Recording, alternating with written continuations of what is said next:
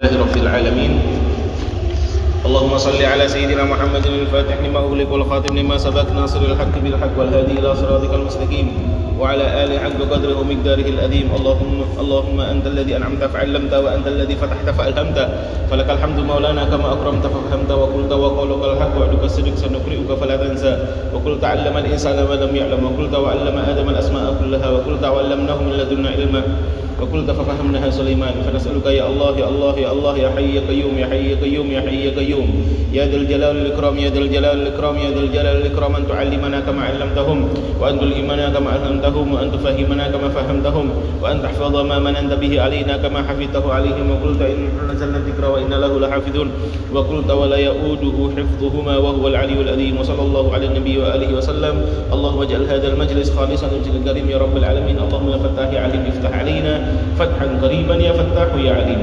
إلى أن قال المؤلف رحمه الله تعالى ونفعنا به وبعلومه وبعلوم سائر العلماء والصالحين في الدارين. آمين.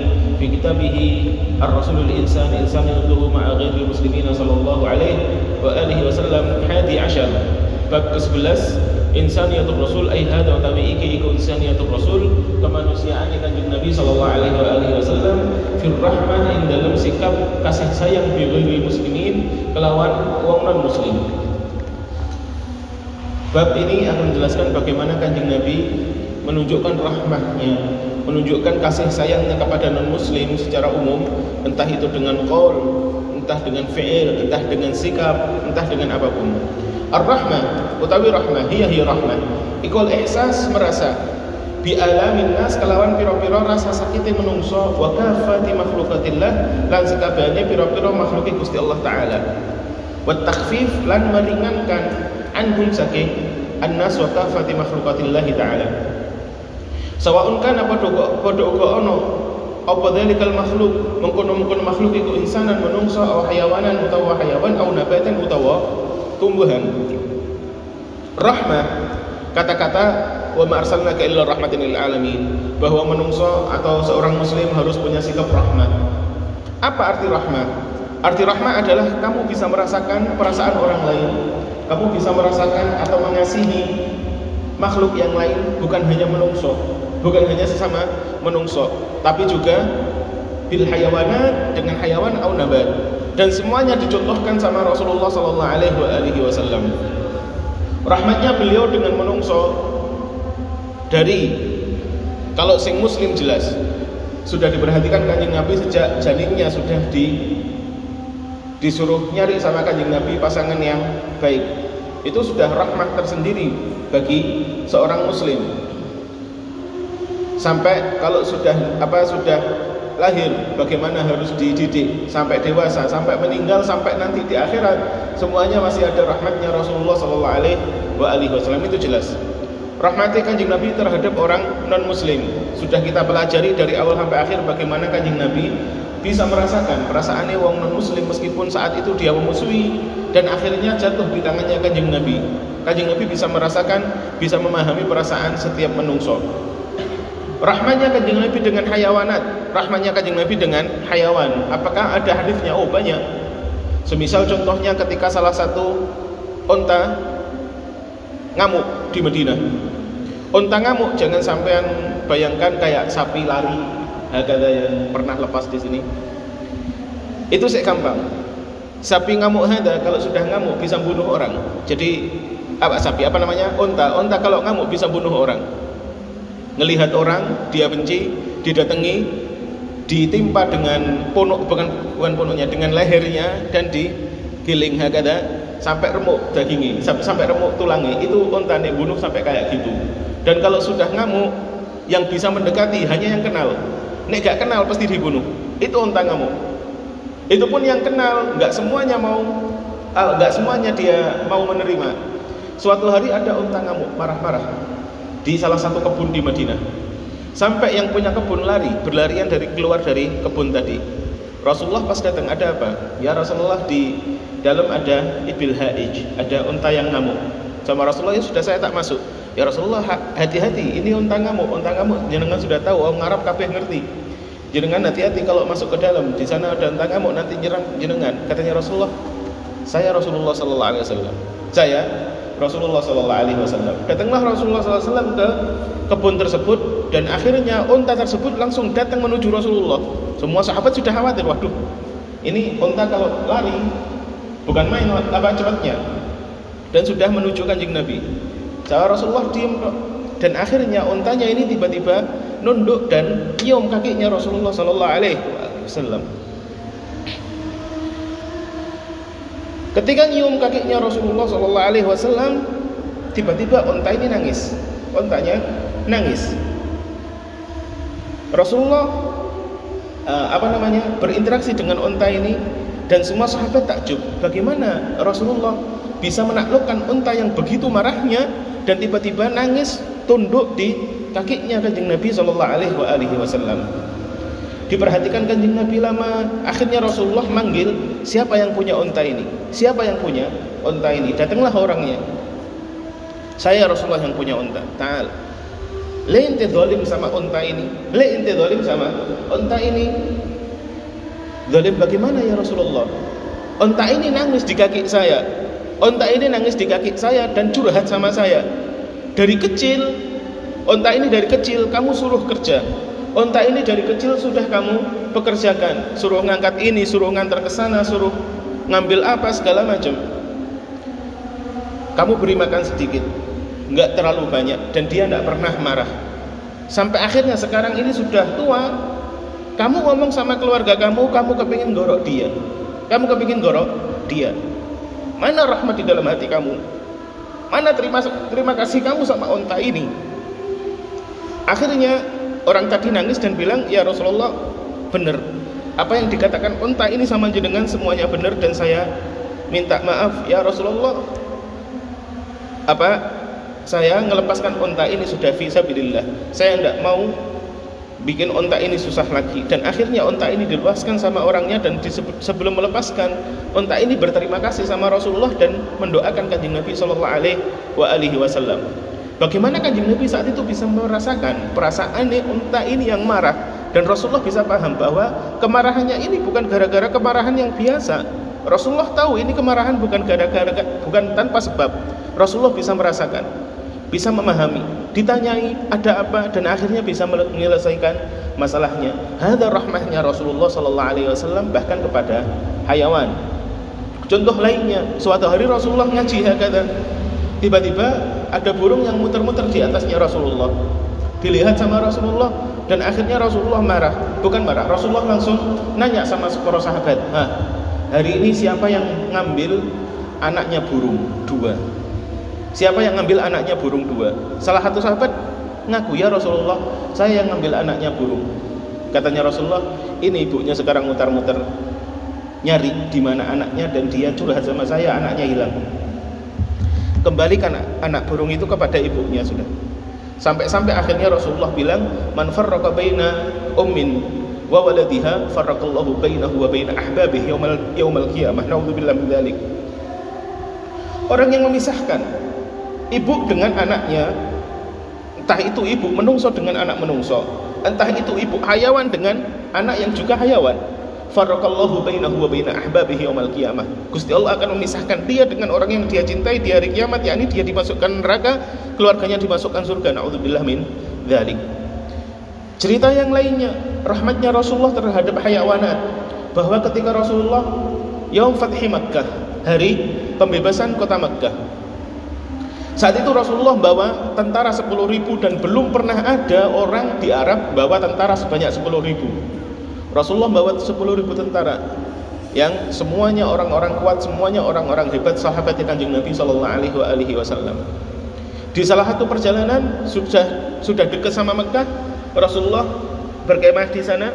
Tiba-tiba ada serigala atau semacam serigala datang ke Rasulullah, datang ke Rasulullah.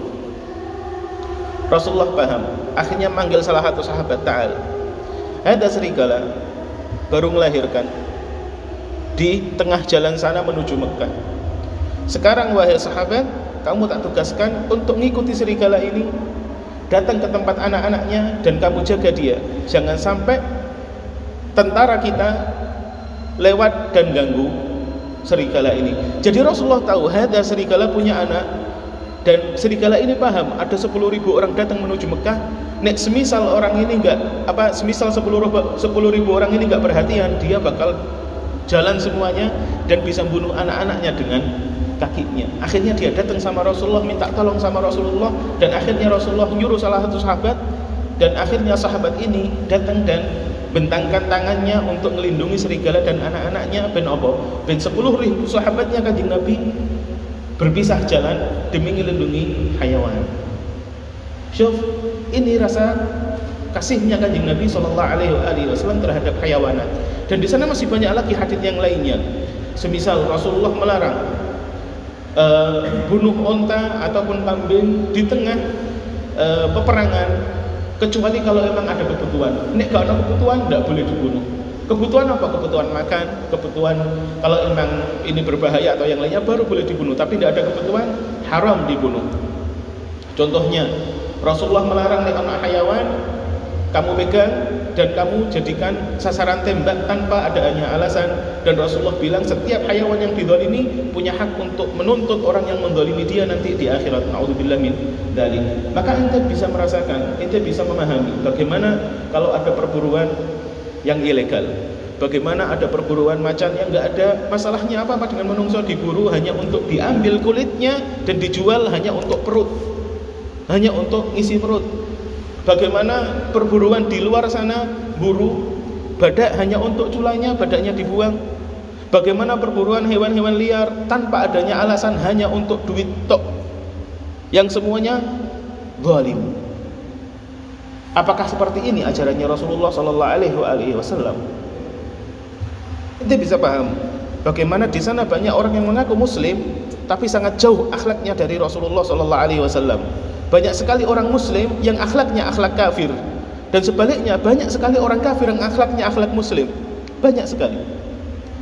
Wa rahmatuhu binabatat. Rahmatnya kanjeng Nabi dengan tumbuh-tumbuhan. Apakah tumbuh-tumbuhan juga perlu dirahmati? Tumbuh-tumbuhan pun makhluknya Gusti Allah Ta'ala. Dia tumbuh kembang meskipun dia tidak bisa bergerak, tidak bisa apa. Tapi dia juga punya nyawa yang enggak enggak seperti nyawa kita. Dan Rasulullah merahmati itu. Ketika peperangan Salah satu larangannya Rasulullah adalah motong tumbuh-tumbuhan Atau pohon-pohonan yang berbuah Kenapa? Karena masih dibutuhkan orang lain Dan masih bisa memberikan manfaat kepada orang lain Bahkan Rasulullah bilang di, di salah satu hadisnya, "Idza qamatil qiyamah wa fi nabat wa fi yadi wa fi yadi ahadikum bidra falyaghrisha." Idza qamatil qiyamah wa fi yadi ahadikum bidra falyaghrisha, katanya Kanjeng Nabi. Semisal kiamat sudah berdiri, semisal kiamat sudah terjadi dan di tangan kalian ada benih tumbuhan, maka uh, tanamlah. Maka tanamlah untuk menunjukkan bagaimana Rasulullah merahmati bahkan kepada tanaman. Idza qamatil qiyamah wa fi yadikum wa fi yadi ahadikum bidrah falyaghrisha. Nek kiamat terjadi dan kalian punya benih, maka apa? E, tanamlah. Jangan mikir bahwa ini tidak ada manfaatnya, benih cuma satu ini tidak tidak bermanfaat atau yang lainnya lah. Masalahnya ini punya hak untuk hidup. Benih ini punya hak untuk tumbuh kembang. Masalah sekarang kiamat pun insya Allah dunia hancur. Masalah eh, nggak e, ada harapan atau yang lainnya menurut kamu itu menurut kamu. Tugas kamu adalah memberi rahmat. Di dalam keadaan yang paling genting sekalipun jangan sampai kamu kehilangan rahmat kepada e, makhluk yang paling lemah sekalipun. Itu adalah hal yang diingin disampaikan sama Rasulullah SAW kepada kita. Di dalam hal segenting apa pun, jangan sampai kamu kehilangan rahmat di dalam hati kamu. Kamu bandingkan ini Bagaimana Rasulullah mengajarkan kita untuk merahmati kepada menungso, rahmat kepada hayawan, rahmat kepada tumbuhan. Bandingkan dengan orang-orang yang merasa paling Islam. Allahu Akbar, motong kepala. Allahu Akbar, ngebom masjid. Allahu Akbar, bunuh ulama. Allahu Akbar, ngerampok. Allahu Akbar, perkosa. Allahu Akbar, naudzubillah min dalik. Sudah saya katakan, selama cinta Rasulullah Shallallahu Alaihi Wasallam benar-benar ada di hati kamu. Selama Islam benar-benar bercokol di hati kamu, selama Al-Quran benar-benar masuk di dalam hati kamu, maka tidak ada tempat lain bagi selain rahmah di dalam hati kamu. Kenapa? Karena itu yang dicontohkan sama Rasulullah sallallahu alaihi wasallam. Karena Qur'anan yamshi, katanya para ulama, katanya para sahabat, karena Qur'anan yamshi. Kanjeng Nabi adalah Quran yang berjalan. Dan ketika beliau adalah Quran yang berjalan, artinya semua hidup beliau adalah di sini Al-Quran. Dan apakah beliau pernah benci sama satu orang, satu makhluk pun? Tidak. Semuanya isinya rahmat. Nek memang kamu hafal Quran, nek memang kamu belajar Islam, nek memang kamu belajar sirahnya kanjeng Nabi, tapi tidak ada rahmat di dalam hati kamu, berarti Islammu belum nyampe ke dalam hati. Hati-hati, hati-hati. Dan kalau kamu melihat ada orang merasa Muslim, ngancam bunuh, ngerasa Muslim, ngajak ribut, ngerasa Muslim, ngajak demo, ngerasa Muslim, ngajak nantang pemerintah sing sah, ngerasa Muslim, ngelokno kene ngelokno kono. Ngerasa muslim. Tapi gak adil sama orang non muslim meskipun pakai udeng-udeng pakai imamah segede ban pun ban truk bisa tetap fil hakikoh huwa jahil. Di hakikahnya dia orang bodoh kenapa Rasulullah SAW la yu'allimuna dhalik kanjeng Nabi nggak ngajarkan kita seperti itu Kanjeng Nabi selalu mengajarkan kita rahmah ma'al kul bidun istithna. Rasulullah mengajarkan kita kasih sayang kepada semua tanpa ada terkecuali. Kalaupun ada kesalahan, kita kritik kesalahan, kita menolak kesalahan, kita menolak segala hal yang buruk seperti yang dilakukan Kanjeng Nabi SAW. Kita menolak perilaku, tapi jangan membenci pelaku. Kita membenci perilaku bukan membenci pelaku. Orang jengene wong ono salahi, bahkan orang yang kafir pun Ya jenenge wong kafir itu dari Gusti Allah taala. Kenapa ente harus benci? Gusti Allah yang yang punya kersa tidak beri dia hidayah. Kenapa kamu merasa bahwa kamu yang punya hak untuk menghukumi dia? Tidak ada. Hak kamu, kewajiban kamu adalah menghukumi dan menghakimi diri kamu sendiri, bukan menghukumi dan menghakimi orang lain. Wahagata. Bismillahirrahmanirrahim. Warahmah lan utawi rahmah. Iku minal akhlak saking pira-pira akhlak al-murakkabah kan terbentuk. Min iddati fadail saking pira saking pira-pira keutamaan. Tasmulu kang mencakup apa rahmah? Al affa ing rasa kasih sayang. Wal rifqa lan kasih sayang plus mengerti. Wal hanan lan semuanya ini artinya kasih sayang. Wa syafaqah juga kasih sayang. Al ataf rif hanan syafaqah semuanya kasih sayang cuman berbeda-beda tingkat. Khususon uh, kelawan khusus bil atfali kelawan arek cilik wal muslimina lan wong tua wan nisa lan wong wadon. Wa naqidur rahmah lan lawan kata rahmah iku al qaswah rasa atau uh, keras hati. Wa syiddah lan keras aksi. Wal fadhadah lan keras ucapan wal hiddah lan kebencian. Lawan lawan kata rahmah yang diajarkan sama Rasulullah sallallahu alaihi wasallam adalah qaswah keras hati. Ketika tidak mau dinasihati orang lain ketika tidak mau di eling liya merasa lebih benar daripada orang lain merasa lebih mulia daripada orang lain. Saya keturunan saya anak kiai saya anak sopo. Kamu siapa mau me, apa menasehati saya ini koswa kanjeng nabi tidak seperti itu asyiddah kerasa aksi kerasa uh, apa namanya uh, Allahumma salli ala sayyidina Muhammad secara fisik, keras secara fisik. Al-fadhadah, ngomong secara buruk. Bunuh fulan, usir fulan. Tidak ada Rasulullah tidak ada seperti itu semuanya. Wal muslim dan utawi muslim ikur rahimul qalbi, kasih sayang ini. Yughithu bantu sapa al muslim al malhufa ing wong sing minta tolong. Wa yasna'u lan gawe sapa al muslim al ma'rufa ing kebajikan. Wa yu'awinu lan bantu sapa al muslim al muhtajina ing wong sing butuh. Wa ya'tifu lan berkasih sayang sapa al muslim al fuqara ing atase wong wong fakir wal mahrumin lan wong wong sing fakir sama. Wa yamsah lan ngapus sapa muslim tumu al yatama ing tangisan arek-arek yatim. Fa yuhsin mongko berbuat baik sapa muslim ilaihim maring al yatama wa yudkhil dan memasukkan sapa al muslim as-surura ing rasa bahagia alihi mengatasi al yatama Warahmah lan utawi rahmah iku min sifatil maula termasuk sifatnya Gusti Allah Subhanahu wa taala. Fa huwa mongko utawi Gusti Allah iku fa huwa mongko utawi Gusti Allah iku Ar-Rahmanur Rahim zat sing maha welas zat sing maha asih. Gusti Allah punya sifat Ar-Rahman Ar-Rahim. Dan kanjeng Nabi Shallallahu Alaihi Wasallam selalu berkata dan sering atau pernah berkata pernah bersabda takhallaku bi akhlakillah.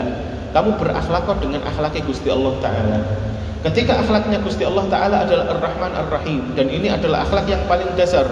Inna rahmati sabaqat ghadabi. Inna rahmati sabaqat ghadabi. Dan ini adalah sifat dasar Gusti Allah Taala Rahman Rahim apakah kalau kita mau ikut kanjeng Nabi yang penuh kasih sayang berarti kita adalah manusia yang lemah? Tidak sampai jangan merasa bahwa nek wong penuh kasih sayang berarti dia lemah. Tidak orang kasih sayang justru dia yang kuat. Kenapa? Karena dia bisa menahan emosinya. Dia bisa menahan hawa nafsunya. Dia bisa menahan kemarahannya segala macam. Inti bayangkan bagaimana Rasulullah SAW yang diganggu setiap hari, setiap detik, setiap waktu. Tapi beliau tidak pernah marah, tapi beliau selalu rahmah. Apakah berarti Rasulullah orang yang lemah? La, Rasulullah orang yang paling kuat karena beliau bisa menahan itu semuanya dan tetap menunjukkan senyumnya dan meridhokan hatinya. Nek kamu memang seorang muslim, seharusnya seperti itu. Takhallaqu bi akhlaqillah. Qala ta'ala kataba mewajibkan sapa hukum pangeran sira kabeh ala nafsihi ing atase zate rabbukum ar-rahmata ing sifat rahmat wa yaqulu lan nanti kasih Gusti Allah taala fallahu maka utawi Gusti Allah ku khairun paling apik apane hafizan penjagaane wa huwa lan utawi Gusti Allah iku arhamur rahimina zat sing paling welas. Wa kadzalika lan kaya mengkono-mengkono ar-rahmah min sifatil maula ar-rahmatu utawi rahmat iku min sifati anbiya'in termasuk sifatnya para nabi ini kan Gusti Allah alaihi wassalatu wassalam.